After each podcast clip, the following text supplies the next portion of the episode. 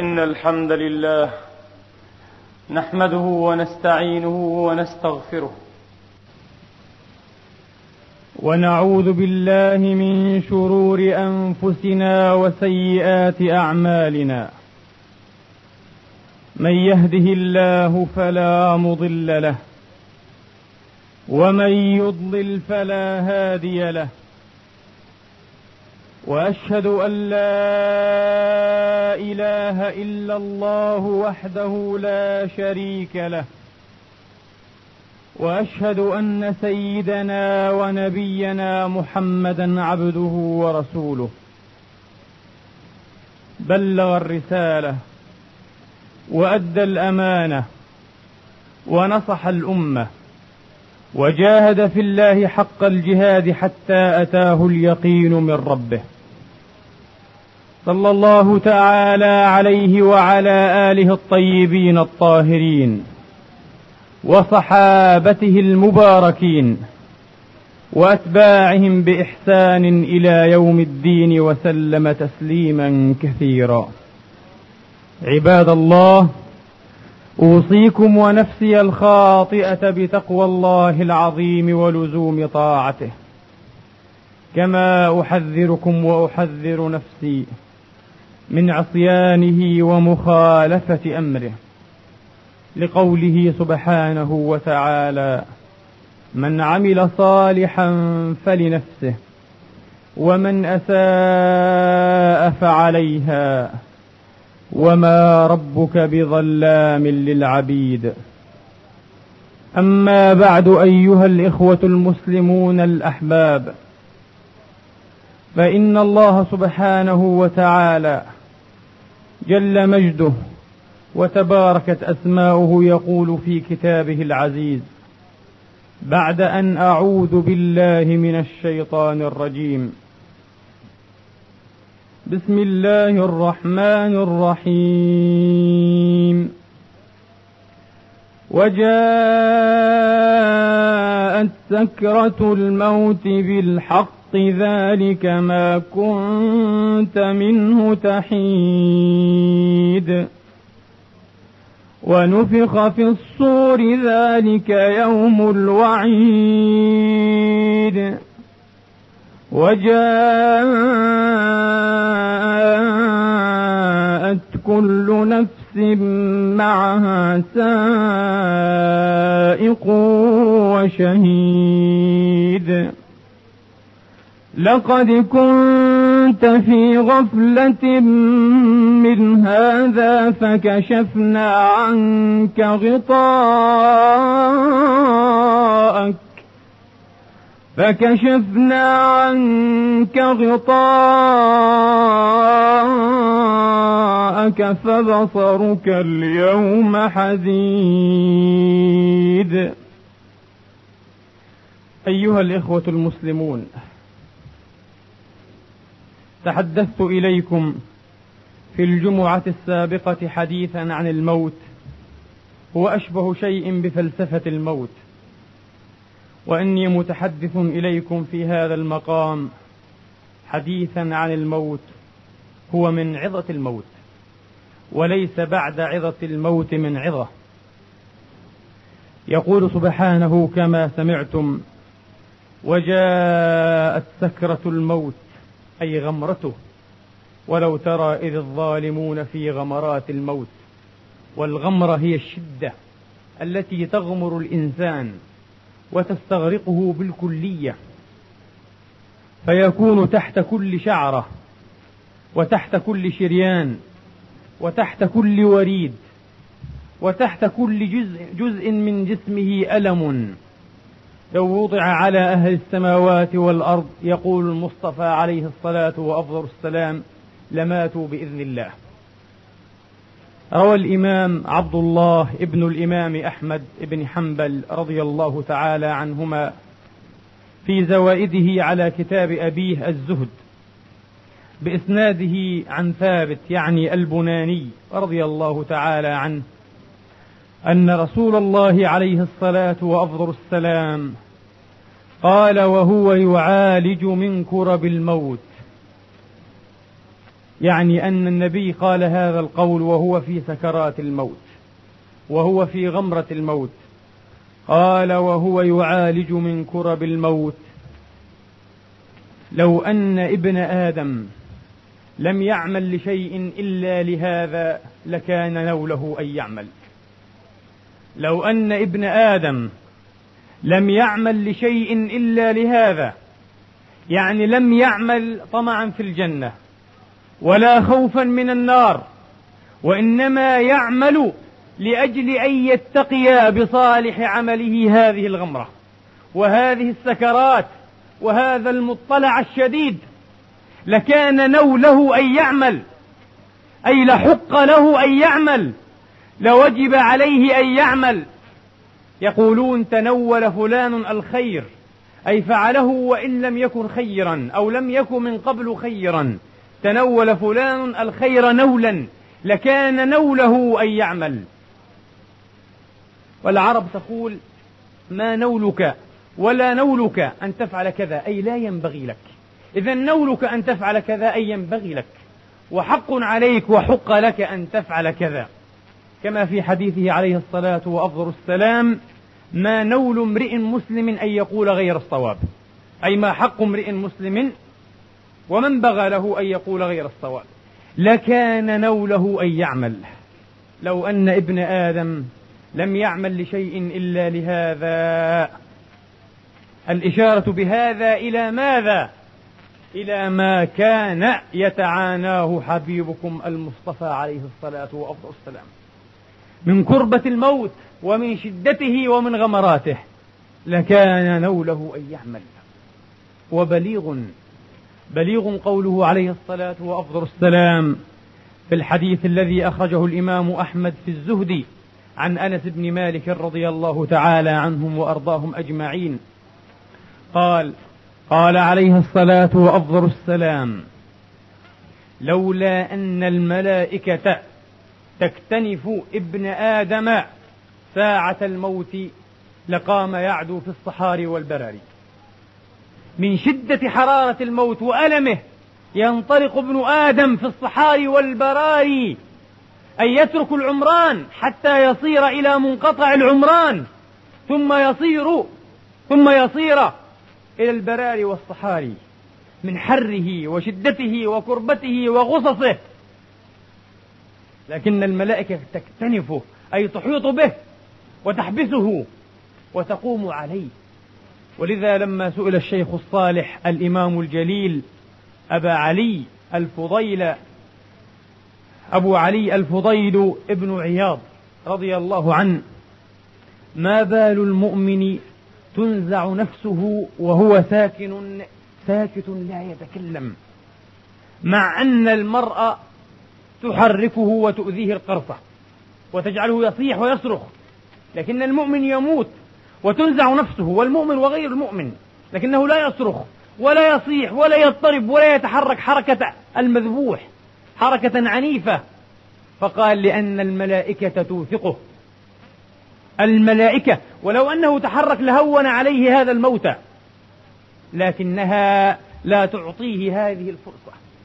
أيها المسلمون لا يغترن أحدكم بما قد يرى أو بما قد سمع من تسهيل الموت على بعض الفاسقين أو على بعض الكافرين أو على بعض الفاجرين وتشديده على بعض المؤمنين أو المحسنين لا يغترن بهذا الأمر سواء سمعه أو رآه بعينيه لماذا؟ لأن المؤمن يشدد عليه الموت لا نكاية به وإنما تكفير عن خطاياه ورفعة في درجاته وقربان إلى ربه سبحانه وتعالى. وأما الكافر نعم قد يسهل عليه الموت لكن لا كرامة به ولا تشريفا له ولا رحمة به أبعده الله وإنما ليستوفي جزاءه عن حسن وصالح ما عمل إن عمل صالحا في دنياه. حتى إذا أفضى إلى ربه أفضى ولا عمل صالحا له. فقد روى الإمام الطبراني في المعجم الكبير. والإمام أبو نعيم في حليته حلية الأولياء يقول عليه الصلاة وأفضل السلام والحديث من رواية ابن مسعود يقول عليه الصلاة وأفضل السلام إن نفس المؤمن تخرج رشحا. لذا يغبط الناس المؤمن الذي يموت وهو يتعرق بالعرق والرشح.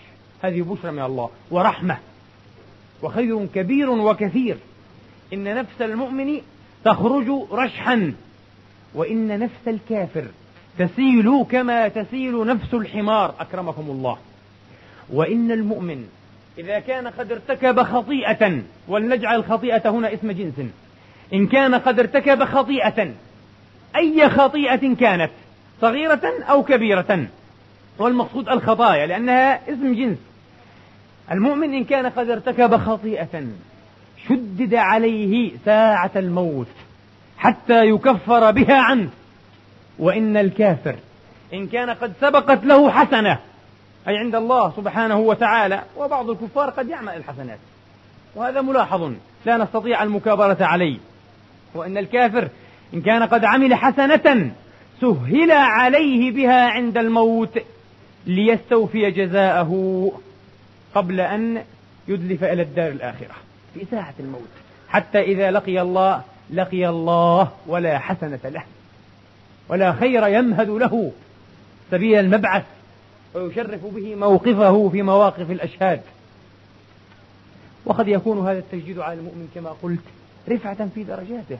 أو زيادة في حسناته وأجوره وجزاءاته. كما روى ابن ماجه رحمة الله تعالى عليه في سننه بإسناده إلى أم المؤمنين عائشة رضي الله تعالى عنها أن رسول الله صلى الله عليه وآله وأصحابه وسلم قال إن المؤمن ليؤجر في كل شيء حتى في الكظ عند الموت. كظ الأمر فلانا يكظه كظا أي ملأه. كظ الغيظ صدره أي ملأه. كظه أبهضه وأثقله. أبهضه وأثقله. كما يبهضك الحمل الثقيل. حتى في الكظ عند الموت يؤجر. ففي هذا أجر أيضا. ورفعة درجة إن شاء الله تعالى. وكما قلت لكم في الخطبة السابقة من قول عائشة قالت لا أكره شدة الموت. وفي رواية أخرى لا أحسد أحدا هون عليه الموت بعد رسول الله. لا أكره شدة الموت لمؤمن بعد الذي رأيت من موت رسول الله. لأنها رأت الموت وقد شدد على المصطفى عليه الصلاة وأفضل السلام. وكرب كربا شديدا عليه الصلاة وأفضل السلام. أيها المسلمون دائما يقال ودائما نقول لا يقين أشبه بشك من الموت. الموت أكثر شيء تتيقنونه. لكننا والله نسلك في حياتنا كأننا خالدون.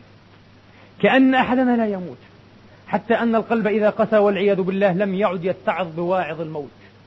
لا يتعظ ولا يحاسب نفسه مع أن ملك الموت يتفرس في وجه كل واحد منكم في اليوم خمس مرات. خمس مرات يأتي ويحملق ويرمق وجهك وينظر فيه فإن وجدك على لهو ولعب وبطالة قال خل عنك. فإن لي إليك رجعة أقطع منك فيها الوتين. يخاطبك لكنك لا تسمع ولا ترى. ولو سمعت أو قد رأيت لمت في ساعتك أو لمت من ساعتك والعياذ بالله. اعتبروا بمصارع الجبابرة واعتبروا في نفس الوقت بمصارع الصالحين. يا لها من ساعة. لا تشبهها ساعة. يا لها من ساعة. لا بد منها. يا لها من ساعة يندم فيها المشمرون فكيف بالعصاة المقصرين؟ يا لها من ساعة يجتمع فيها على المؤمن وعلى الكافر ألم الموت مع حسرة الفوت. فات كل شيء. الذين يجمعون الأموال ويبخلون بالزكوات والصدقات ولا يقتطعون حقوق المساكين والمحاويج. هؤلاء سيتفوتهم أموالهم. الذين يظلمون في عباد الله ويطغون ويتجبرون ويتجاوزون سيفوتهم كل ما هنالك. ليس كالموت أعدل بين العباد وليس كالحفر في المقابر أعدل بين العباد. الملوك إلى الزهاد الأقوياء إلى الضعفاء الكبار إلى الصغار الصالحون إلى الطالحين. كله في التراب. لم يمتازوا بالأبدان. ولم يمتازوا بما امتازوا به في دار الدنيا لكنهم يمتازون بالأعمال الصالحات وبالمبرات والخيورات. لا بشيء عدا ذلك. هل رأيت كالتراب أحسن عدلا وقياما على حقوق العباد؟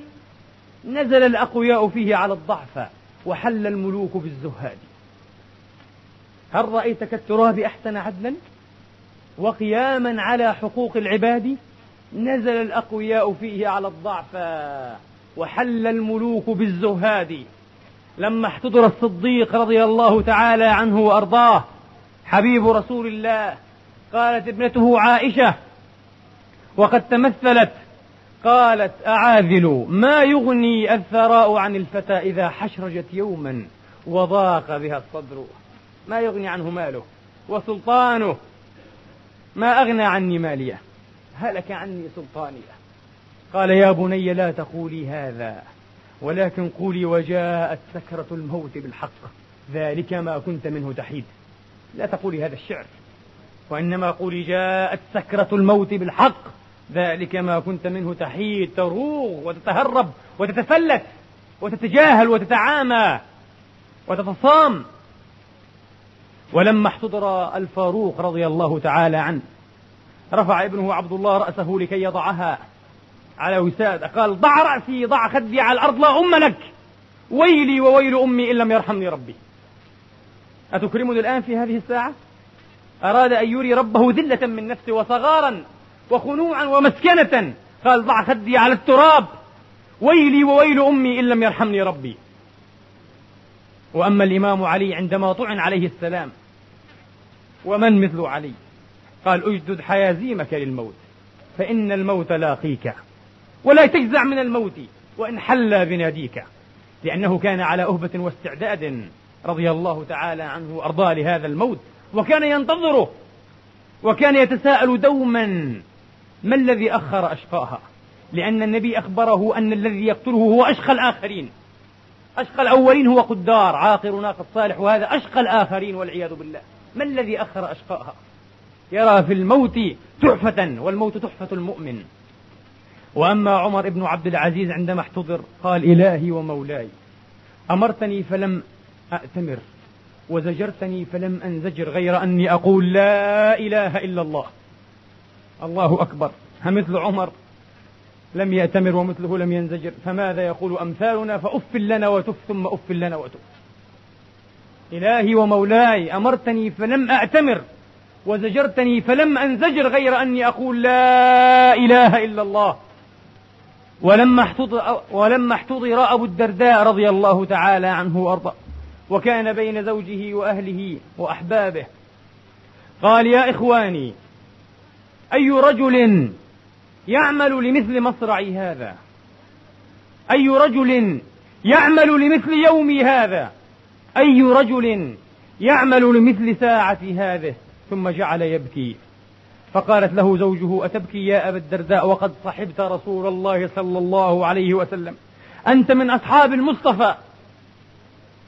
فقال كيف لا أبكي ولا أدري على ما أهجم من ذنوبي. لا أدري ما الذي ينتظرني. لا أعرف نتيجة الامتحان ولا تصفية الحساب. كيف لا أبكي ولا أدري على ما أهجم من ذنوبي. وأما أبو هريرة رضي الله عنه فعندما احتضر وكان في السياقة والنزع جعل يبكي فقيل له ما الذي يبكيك يا أبا هريرة؟ فقال طول الطريق وقلة الزاد وعقبة كؤود عقبة كبيرة عظيمة ليس من السهل جوزها أو اجتيازها وعقبة كؤود المهبط منها إلى الجنة أو إلى النار. عقبة نرتقيها حتى إذا هبطنا إما إلى الجنة وإما إلى النار. هذه العقبة هي المطلع. كان عمر كثيرا ما يقول لو أن لي ما في الأرض ومثله معه لافتديت به من هول المطلع. وليس كما يقول بعضهم المطلع. المطلع المطلع هو اسم مكان. المكان الذي يرتقيه الإنسان يرتقيه الإنسان ويستشرف منه ويطلع على أشياء على ما دونه. فما هو المطلع؟ المطلع ساعة ينزع الإنسان ويغادر هذه الدنيا في هذه الساعة يعرف مصيره. عندما تجيئه البشرى من الله على لسان الأملاك الصالحين أو تجيئه النذارة والوعيد والعياذ بالله على لسان هؤلاء الأملاك الصالحين. فلو أن لي ما في الدنيا ومثله معه لافتديت به من هول المطلع. ولما احتضر معاذ بن جبل رضي الله عنه وأرضاه قال أعوذ بالله من ليلة صباحها نار جهنم. اللهم إني كنت أخافك وأنا اليوم أرجوك. اللهم إني كنت أخافك وأنا اليوم أرجوك ويستحب للمؤمن أن يغلب الخوف مدة حياته حتى إذا احتضر غلب الرجاء. لأن الله يلقاك على ظنك به. إن أحسنت به الظن ساعة الموت وجدت هذا الظن الحسن عند ربك. وإن أسأت به الظن وجدت ما يسوءك. فلا يموتن المؤمن كما قال عليه الصلاة وأفضل السلام إلا وهو يحسن الظن بربه. اللهم إني كنت أخافك وأنا اليوم أرجوك مرحبا بالموت مرحبا زائر مغب حبيب جاء على فاقة. يرحب بالموت يرحب به ويحييه رضي الله تعالى عنه وأرضاه. وأما الخليفة هارون الرشيد الذي نفع الإسلام وضر الإسلام الذي عدل وظلم كثيرا أيضا الذي جاهد وفسق قليلا أو كثيرا في حياته وأمره إلى الله. عندما مات هذا الرجل قال احتفروا لي قبري. أريد أن أرى مسكني هذا مسكن تطول فيه الإقامة. قد تمتد آلاف السنين بل مئات الألوف من السنين. لا يعلم ذلك إلا الله تبارك وتعالى. بعضهم يقول غيرت موضع نومي ليلة ففارقني السكون. القبر أول ليلة بالله قل لي كيف يكون؟ لو أنك غيرت المكان الذي تنام فيه هل يأتيك النوم؟ أكثر الناس لا يأتيه النوم. يقول غيرت مرقدي. لا أستطيع أن أنام فكيف ستنام في قبرك؟ في حفرتك. احتفروا لي قبري. فاحتفروا ونقلوه على محفة. فجعل ينظر فيه وجعل يبكي حتى رحم. رحمه الناس من شدة البكاء. ثم قال صائحا يا من لا يزول ملكه ارحم من قد زال ملكه. الطبيب يئس منه. قال قولوا لصاحب هذا البول أي للرشيد يكتب وصاته. فقال إن الطبيب بطبه ودوائه.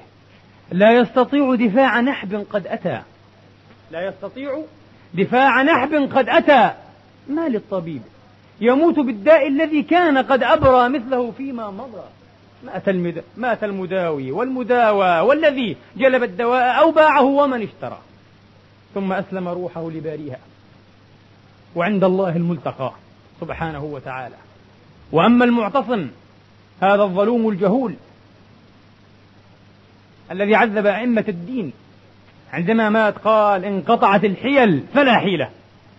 وهو يموت. ما في حيلة أستطيع أن أفر بها من الموت. انقطعت الحيل فلا حيلة. يقول الإمام جمال الدين أبو الفرج ابن الجوزي في التبصرة. ولما حضر الموت عضد الدولة. جعل يكرر ويقول ما أغنى عني مالية. هلك عني سلطانية. قتلت صناديد الرجال. يتمثل عضد الدولة. قتلت صناديد الرجال فلم أدع عدوا ولم أمهل على ظنة خلقة. ولم أمهل على ظنة خلقه كحكام زماننا الذين يأخذون الناس بالظنون بالأوهام. يتوهم أنك تخطط وتدبر فتؤخذ تقتل أو تشنق أو تطرد أو تعذب وتسام الخسف والمذلة بالظن. ولم أمهل على ظنة خلقا يحكي من ظلمه والعياذ بالله. نعم. وأخليت دور الملك من كل نازل. فشردتهم غربا وبددتهم شرقا. حتى بلغت المجد عزا ورفعة فصارت رقاب الخلق أجمع لي رقا. رماني الموت سهما رماني الموت سهما فأخمد جذوتي أو قال جمرتي فها أنا ذا في جفوتي عاطل ملقى. والملق ككتف هو الضعيف لكن سكنت اللام هنا للوزن. عاطل ملقى أي ضعيف. لا أستطيع. أذهبت دنياي وديني سفاهة. فمن ذا الذي مني بمصرعه أشقى؟ لا أحد. ملك الدنيا. ما أغنى عنه ماله. ما أغنى عنه سلطان فاتقوا الله عباد الله. اتقوا الله في أنفسكم. ليتقي الله كل جبار عنيد. ليتقي الله كل متكبر متغطرس. ليتقي الله كل من لم يخ... كل من لا يخاف الله سبحانه وتعالى. ليتقي الله كل غافل عن ربه سبحانه وتعالى. لن يغني عنكم أو عن أحد منكم شيء إذا جاءت هذه الساعة العصيبة إلا ما كان من عمل صالح. فاستكثروا وتزودوا وإن خير الزاد التقوى. وإن خير الزاد التقوى. وما المرء إلا راكب ظهر عمره على سفر يفنيه باليوم والشهر. يبيت ويضحي كل يوم وليلة. بعيدا عن الدنيا قريبا إلى القبر. أنتم مسافرون. كل ليلة كل ساعة كل وقت من الأوقات الضئيلة تقتربون من الآخرة وتبتعدون عن الدنيا. فهل أدركنا هذه الحقيقة؟ وهل عشنا على ضوئها ونعيش؟ يبيت ويضحي كل يوم وليلة بعيدا عن الدنيا قريبا إلى القبر.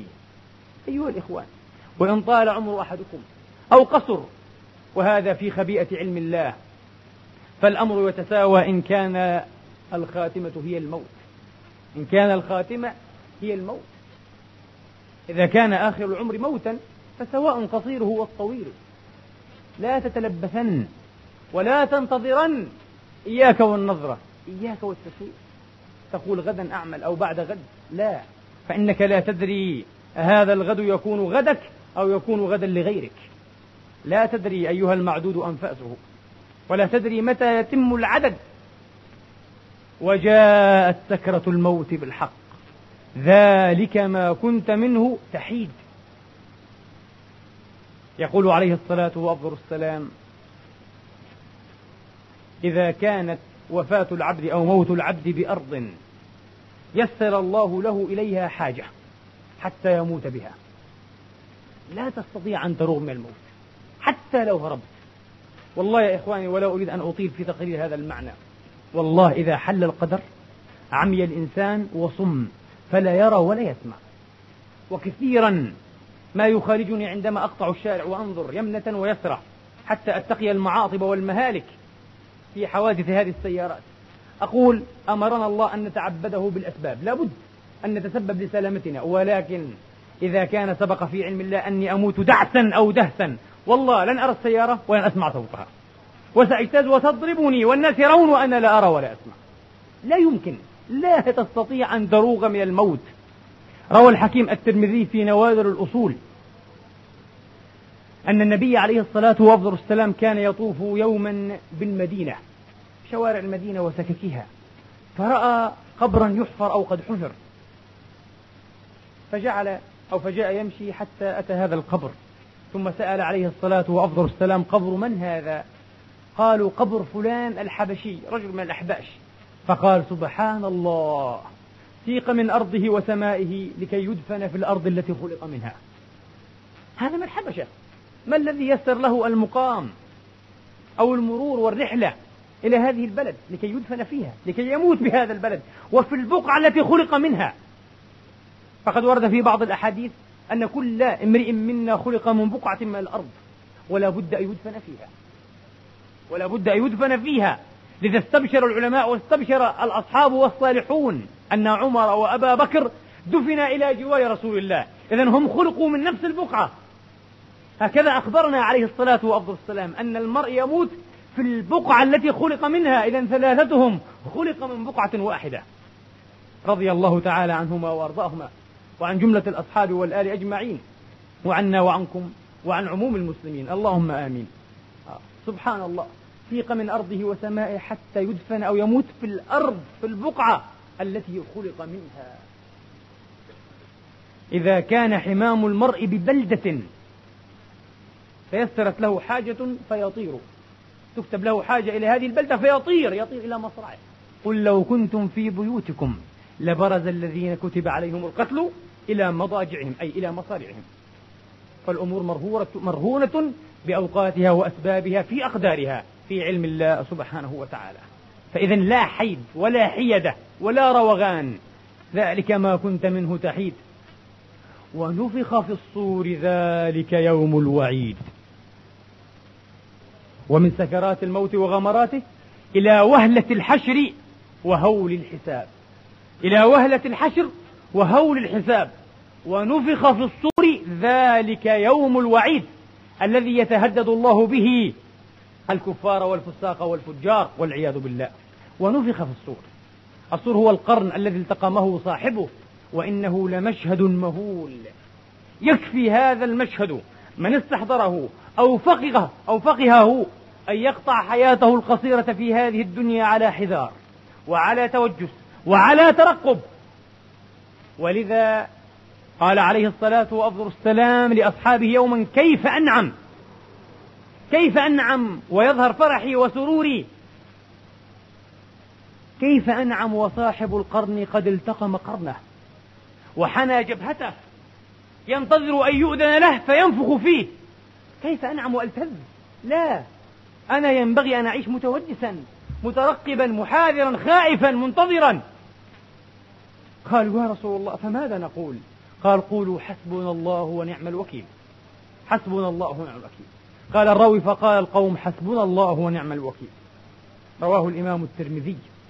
والصور هذا خلق عظيم من خلق الله سبحانه وتعالى. ونفخ في الصور ذلك يوم الوعيد. اختلف العلماء في هذه النفخات التي تنفخ في الصور في عدتها. بعضهم قال إنها ثلاث نفخات. نفخة الفزع كما في سورة النمل ويوم ينفخ في الصور ففزع من في السماوات ومن في الأرض. إلا من شاء الله وكل أتوه داخرين. ونفخة الصعق أي الموت نفخة الإماتة. ونفخ في الصور فصعق من في السماوات ومن في الأرض إلا من شاء الله. والنفخة الثالثة والآخرة هي نفخة الإحياء والبعث للحشر والحساب. ثم نفخ فيه أخرى فإذا هم قيام ينظرون. إذا هي ثلاث نفخات. وهذا الذي رجحه الإمام ابن العربي المالكي صاحب أحكام القرآن. وأكثر العلماء وقد صحح الإمام القرطبي صاحب التذكرة هذا القول وجعل السنة تعضده وتسنده أنها نفختان. نفخة الفزع هي نفخة الموت لأن الفزع والموت لازمان لها. أي يفزعون فزعا يموتون منه. وهذا أقوى حقا. والنفخة الثانية نفخة الإحياء للبعث والحشر. نفخة الإحياء. ما ينظرون إلا صيحة واحدة. تأخذهم وهم يخصمون أي يختصمون. يختصمون في ماذا؟ قال العلماء يختصمون في أسواقهم وفي طرقهم في وجوه معائشهم لا أنت قلت هذا بكم لا هذا بكذا لا خفف لي لا أنت ظالم في الأسواق. في الموازين في البيع في الشراء في أشياء كثيرة في الامتحانات. في كل شيء يتعامل به الناس. يختصمون. فتأتي هذه الصيحة مرة واحدة وهم يختصمون. فلا يستطيعون توصية. لا يمهل أحدهم حتى يكتب وصاته وصيته فيش وقت لا يوجد وقت حتى تكتب الوصية. يموت في مكانه في الحال على مكانه. ولا إلى أهلهم يرجعون. لا يستطيعون أن يعودوا إلى بيوتهم من أسواقهم ومن محالهم يموتون في أمكنتهم أو على أمكنتهم في أوقاتهم والعياذ بالله. نعم. إذا هما نفختان. نفخة الفزع وهي نفخة الصعق ونفخة الإحياء ونفخة الإحياء. ونفخ في الصور ذلك يوم الوعيد. لكن قال سبحانه وتعالى مستثنيا إلا من شاء الله. ونفخ في الصور فصعق من في السماوات ومن في الأرض إلا من شاء الله. من هم هؤلاء المستثنون؟ من هم هؤلاء المستثنون الذين استثناهم الله سبحانه وتعالى؟ قال بعضهم هم الأنبياء وقال بعضهم هم الشهداء ومن قال بالشهداء حتم عليه أن يقول بالأنبياء لأن الأنبياء أكرم من الشهداء. إذا استثنينا الشهداء وجب أن نستثني الأنبياء. وقال بعضهم الشهداء وقال بعضهم الحور العين في الجنان. وقال بعضهم خزنة الجنة وخزنة النار وقيل غير ذلك. وقيل غير ذلك. وقال بعضهم الأملاك العظام الأربعة. جبريل وميكائيل وإسرافيل صاحب الصور والقرن وملك الموت. وملك الموت على نبينا وعليهم الصلاة والسلام. فقد روى ابن جرير في تفسيره ورواه غير ابن جرير. ويختلف في بعض طرقه ورواياته وألفاظه. روى أن النبي عليه الصلاة وأفضل السلام قرأ ذات يوم ونفخ في الصور فصعق من في السماوات ومن في الأرض إلا من شاء الله. فقالوا يا رسول الله من هؤلاء الذين استثنى الله يا رسول الله؟ فقال جبريل وميكائيل وملك الموت. في روايات أخرى جبريل وميكائيل وإسرافيل وملك الموت. لكن الذي ذكره شيخ المفسرين في تفسير هذه الآية من تفسيره هؤلاء الثلاثة. هؤلاء الثلاثة ذكرهم جبريل وميكائيل وملك الموت. فإذا نفخ في الصور ومات من شاء الله تبارك وتعالى. يقول الله سائلا ملك الموت وهو أعلم. يا ملك الموت من بقي؟ فيقول إلهي سبحانك وتباركت يا ذا الجلال والإكرام. بقي جبريل وميكائيل وأنا. فيقول ليمت ميكائيل. فيقع ميكائيل كما يقع الطود العظيم كالجبل. يقع عليه السلام ميتا بأمر الله. ثم يقول سبحانه وتعالى من بقي؟ فيقول يا رب سبحانك تباركت وتعاليت يا ذا الجلال والإكرام. بقي جبريل بقي جبريل وأنا. في هذه الرواية يقول الله سبحانه وتعالى مت يا ملك الموت. فيموت بأمر الله وإذنه. يبقى جبريل في هذه الرواية في بعضها الذي يبقى بأخره هو ملك الموت. لكن هذه رواية ابن جرير في تفسيره في هذا الموضع عن أنس. ثم يقول الله تبارك وتعالى وهو أعلم لجبريل يا جبريل من بقي من خلقي؟ من بقي من خلقي؟ فيقول سبحانك تباركت وتعاليت يا ذا الجلال والإكرام. بقيت أنا. فيقول يجب أن تموت يا جبريل. هذا أمر ما منه بد يجب أن تموت. فيقول سبحانك تباركت يا ذا الجلال والإكرام أنت الباقي وجبريل العبد الفاني. يقول عليه الصلاة وأفضل السلام فيقع يخفق بجناحيه فيقع على ميكائيل يفضل عنه أن فضل خلق جبريل على خلق ميكائيل كفضل الطود العظيم على الضرب من الضربان أو من الضراب. والضرب هو الجبل الصغير المنبسط فهو أشبه شيء بالنبكة أو بالسهل ولكن الطود العظيم هو الجبل الكبير. فجبريل أعظم في خلقته. من هذا من ملك الموت من ميكائيل عفوا من ميكائيل أعظم منه بكثير حتى أنه يفضله كما يفضل الجبل الشاهق والطود الأشم الراسخ الجبل الصغير أو السهل المنبسط. الضرب. في دعاء الاستسقاء كان يقول عليه الصلاة وأفضل السلام اللهم على الضراب وبطون الأودية والآكام. اللهم على الضراب وبطون الأودية والآكام. جمع ضرب هو السهل أو الجبل المنبسط الصغير. فيقع بأمر الله. في زيادة عند بعض الرواة والمخرجين. فإذا ماتوا جميعا وفيهم ملك الموت وفيهم أسرافيل أيضا. كان الله كما كان أولا. قبل أن يخلق الوجود والموجودات وحده. صمد قائم بنفسه قيوم لا إله إلا هو. يقول عليه الصلاة وأفضل السلام كان الله كما كان أولا أحدا صمدا لم يتخذ صاحبة ولا ولدا لم يلد ولم يولد ولم يكن له كفوا أحد. طوى السماء والأرض بيديه كطي السجل للكتب. السجل هو الغلاف الذي يطوي الصحاف أو الصفحات. هذا هو السجل وهذا هو الكتاب. كما يطوي المغلف أو الدفتان الصفحات بينهما. كما يطوي السجل الكتب. ثم ثم ينادي لا إله إلا هو أنا الجبار. لمن الملك اليوم؟ يقول عليه الصلاة وأفضل السلام وما من مجيب. فيجيب نفسه جل شأنه لله الواحد القهار. لله الواحد القهار. لا إله إلا الله لله الأمر من قبل ومن بعد. ونفخ في الصور ذلك يوم الوعيد وجاءت كل نفس معها سائق وشهيد. لقد كنت في غفلة من هذا فكشفنا عنك غطاءك فبصرك اليوم حديد. ثابت لا يحسر ولا يزيغ.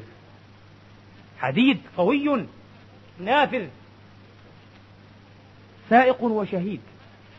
قيل السائق هو الملك ملك من الأملاك الكرام. يسوق الإنسان. إلى أرض المحشر وإلى ساحة الحساب والجزاء والفصل. وشهيد عمله يشهد عليه. وقيل سائق وشهيد وهذا مروي عن مجاهد ابن جبر. قال ملكان كاتب وشهيد. كاتب وشهيد. وقيل سائق من الملائكة وشهيد من الأعضاء. اليوم نختم على أفواههم وتكلمنا أيديهم وتشهد أرجلهم بما كانوا يكسبون. حتى إذا ما جاءوها شهد عليهم سمعهم وأبصارهم وجلودهم بما كانوا يعملون. وقالوا لجلودهم لم شهدتم علينا؟ قالوا أنطقنا الله الذي أنطق كل شيء وهو خلقكم أول مرة وإليه ترجعون. هذا هو الشهيد. تشهد عليهم أعضاؤهم وجوارحهم. لكن ربما يكون القول الأولى بالقبول هو قول مجاهد وأمثاله الذين قالوا هما ملكان. كاتب وشهيد. كاتب الحسنات والشهيد على السيئات والعياذ بالله. لما رواه ابن أبي الدنيا والإمام أبو نعيم وغيرهما. يقول عليه الصلاة وأفضل السلام ألا إن ابن آدم لفي غفلة عما يراد به. ابن آدم في غفلة في تيه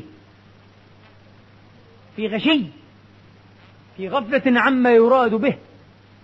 إن الله سبحانه وتعالى حين يخلقه في رحم أمه في بطنها في ظلمات ثلاث يبعث إليه ملكا يقول اكتب اسمه اكتب أثره اكتب أجله اكتب أشقيا. أم سعيدا أن يكون. أشقيا أم سعيدا حتى إذا جاء إلى هذه الدنيا وكل الله به ملكا يحفظه يحفظ الوليد والنبي كان يدعو ويقول اللهم حافظة يعني اللهم ارزقني حافظة أو احفظني بحافظة منصوبة على نزع الخافض. اللهم حافظة كحافظة الوليد.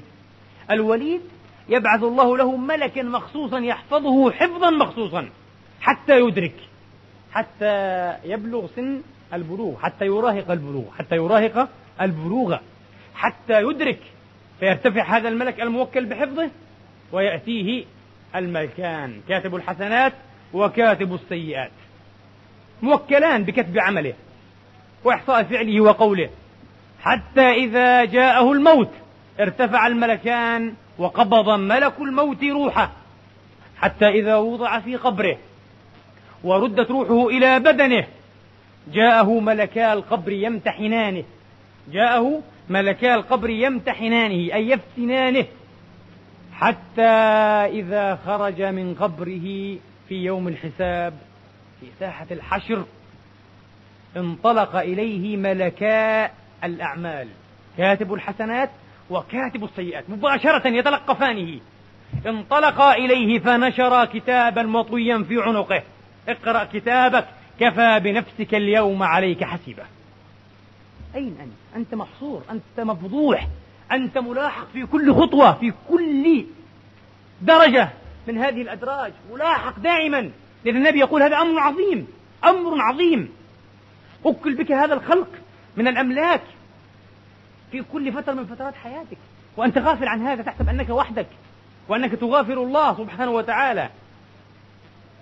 ثم قال عليه الصلاة وأفضل السلام ألا إن قدامكم لأمرا عظيما. ألا فاستعدوا له. ألا إن قدامكم أي أمامكم لأمرا عظيما. إن أمرا عظيما قدامكم.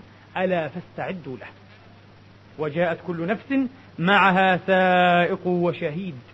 لقد كنت في غفلة من هذا. هذا الخطاب في الأصح للكافر. يقال للكافر. أما المؤمن إن شاء الله فليس بغافل عن هذا. فليس بغافل. أيها الإخوة أريد أن ألفت نظركم إلى شيء طيب. كلما قرأت وتمعنت واستمعت إلى أمثال هذه النصوص وهذه الأحاديث علمت عظم منة الله ونعمته علينا بأن أرسل إلينا محمدا عليه الصلاة والسلام. هذه علوم لا يستطيع العقل ولا الفلاسفة ولا المفكرون ولا العلماء ولا الأجهزة ولا كل الآلات أن تصل إلى شيء منها. لكن الله كشفها لخاتم النبيين والنبي كشفها لنا عليه الصلاة والسلام. علوم عظيمة تجعل الإنسان يسير في طريق منور. يعلم كل الدقائق التي سيتعرض لها ساعة الموت. عندما يوضع في قبره عندما يخرج من قبره كل هذه الأشياء الغيبية المؤمن على نور وعلى برهان وعلى بينة منها. فما أعظم منته سبحانه وتعالى بأن أرسل إلينا محمدا عليه الصلاة والسلام اللهم فاجزه عنا وعن أمته خير ما جزيت نبيا عن أمته. اللهم آمين. نعم لقد كنت في غفلة للكافر. يا كافر الأبعد. لقد كنت في غفلة من هذا فكشفنا عنك غطاءك. قال بعضهم أي الغطاء عن عينك وبصرك أو بصيرتك فبصرك اليوم حديد. نافذ ثابت لا يحصر ولا يزيغ ولا يتردد ولا يرتاب. أسمع بهم وأبصر يوم يأتوننا. أسمع بهم يعني ما أسمعهم وما أبصرهم يوم القيامة. لماذا؟ لأن أبصارهم حديد. لأن أبصارهم حديد عميد ثابتة يسمعون ويبصرون. وقالوا لو كنا نسمع أو نعقل ما كنا في أصحاب السعير. صحيح. لم يكونوا بالسامعين ولم يكونوا بالمبصرين ولم يكونوا بالعاقلين لكنهم في الآخرة يعقلون ويسمعون ويبصرون. لكن ولا حين سمع وحين إبصار وحين تعقل. أقول هذا القول وأستغفر الله لي ولكم فاستغفروه. ادعوا الله وأنتم موقنون بالإجابة. رب العالمين. الحمد لله الذي يقبل التوبة عن عباده ويعفو عن السيئات ويعلم ما تفعلون. ويستجيب الذين آمنوا وعملوا الصالحات ويزيدهم من فضله. والكافرون لهم عذاب شديد. وأشهد أن لا إله إلا الله وحده لا شريك له. وأشهد أن محمدا عبده ورسوله. صلى الله تعالى عليه وعلى آله الطيبين الطاهرين. وصحابته الأنجاب المباركين وأتباعهم بإحسان إلى يوم الدين. اللهم صل وسلم على حبيبنا محمد وعلى آله وأصحابه وأتباعه ما ذكره الذاكرون وما غفل عن ذكره الغافلون.